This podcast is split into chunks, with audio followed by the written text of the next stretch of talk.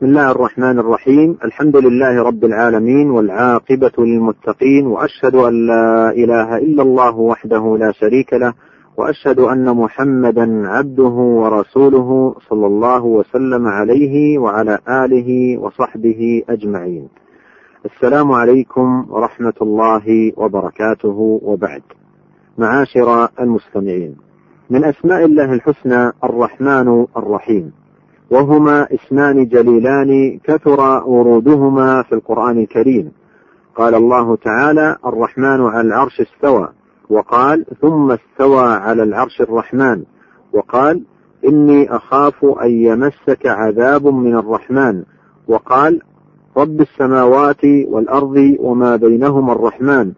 وقال الرحمن علم القرآن.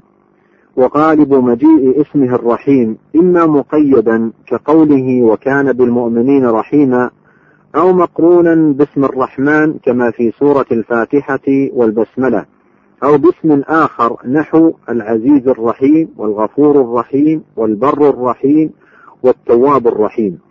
ولهذين الاسمين شأن ومكانة عظيمة فهما الاسمان اللذان افتتح الله بهما أم القرآن.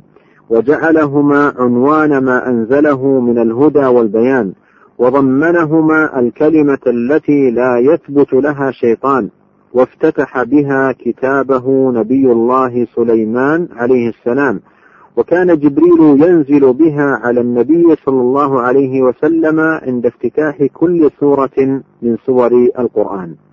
وقد ورد هذان الاسمان مقترنين في مواضع كثيرة من القرآن وكل منهما دال على ثبوت الرحمة صفة لله عز وجل إلا أن اقتران هذين الاسمين فيه دلالة على الوصف وحصول أثره وتعلقه بمتعلقاته.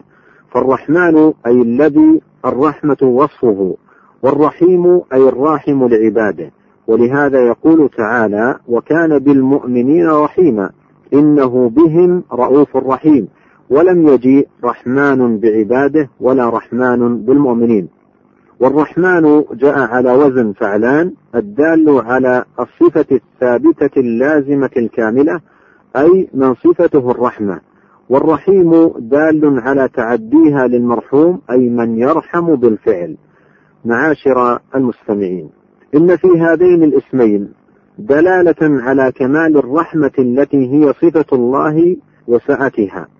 فجميع ما في العالم العلوي والسفلي من حصول المنافع والمحاب والمسار والخيرات من آثار رحمته كما أن ما صرف عنهم من المكاره والنقم والمخاوف والأخطار والمضار من آثار رحمته فإنه لا يأتي بالحسنات إلا هو ولا يدفع السيئات إلا هو وهو أرحم الراحمين.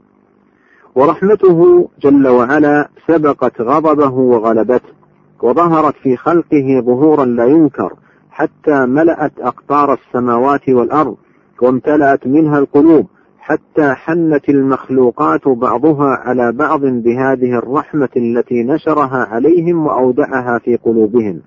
وحنت البهائم التي لا ترجو نفعا ولا عاقبة ولا جزاء على أولادها. وشوهد من رافتها بهم وشفقتها العظيمة ما شهد بعناية باريها ورحمته الواسعة. وكذلك ظهرت رحمته في أمره وشرعه ظهورا تشهده البصائر والأبصار ويعترف به أولو الألباب. فشرعه نور ورحمة وهداية وقد شرعه محتويا على الرحمة وموصلا إلى أجل رحمة وكرامة وسعادة وفلاح. وشرع فيه من التسهيلات والتيسيرات ونفي الحرج والمشقات ما يدل أكبر دلالة على سعة رحمته وجوده وكرمه ومناهيه كلها رحمة لأنها لحفظ أديان العباد وحفظ عقولهم وأعراضهم وأبدانهم وأخلاقهم وأموالهم من الشرور والأضرار. ويوم القيامة يختص سبحانه المؤمنين به وبرسله بالرحمة والفضل والإحسان ويكرمهم بالصفح والعفو والغفران ما لا تعبر عنه الألسنة ولا تتصوره الأفكار. ففي الحديث أن لله مئة رحمة أنزل لعباده رحمة بها يتراحمون ويتعاطفون حتى إن البهيمة ترفع حافرها عن ولدها خشية أن تطأه أي من الرحمة المودعة فيها فإذا كان يوم القيامة ضم هذه الرحمة إلى تسع وتسعين رحمة فرحم بها العباد. فهي رحمة لا يعبر عنها لسان يمن بها أرحم الراحمين ويتفضل بها من وسعت رحمته كل شيء على عباده المؤمنين.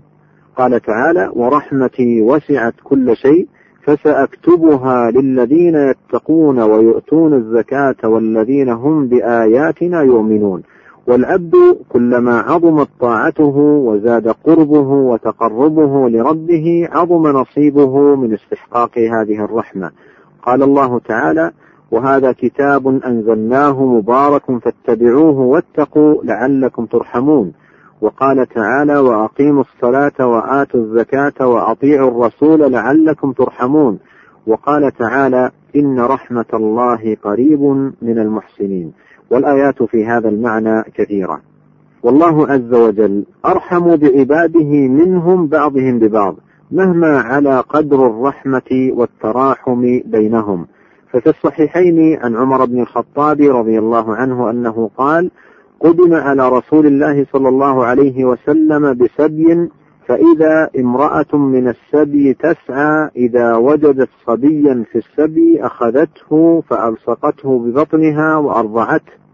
فقال لنا رسول الله صلى الله عليه وسلم أترون هذه المرأة طارحة ولدها في النار؟ قلنا لا والله وهي تقدر على أن لا تطرحه. فقال رسول الله صلى الله عليه وسلم الله أرحم بعباده من هذه بولدها. فأرحم ما يكون من الخلق بالخلق رحمة الأم بولدها فهي رحمة لا يساويها شيء من رحمة الناس.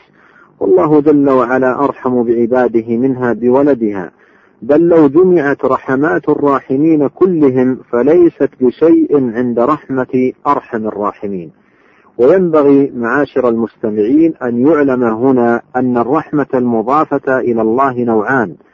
رحمة عامة وهي التي قرنها بالعلم في قوله سبحانه ربنا وسعت كل شيء رحمة وعلما. فكل شيء وصله علمه وهو واصل لكل شيء فإن رحمته وصلت إليه. لأن الله قرن هذه الرحمة به وهي الرحمة التي تشمل جميع المخلوقات حتى الكفار. وهي رحمة جسدية بدنية دنيوية بالطعام والشراب واللباس والمسكن والصحة ونحو ذلك.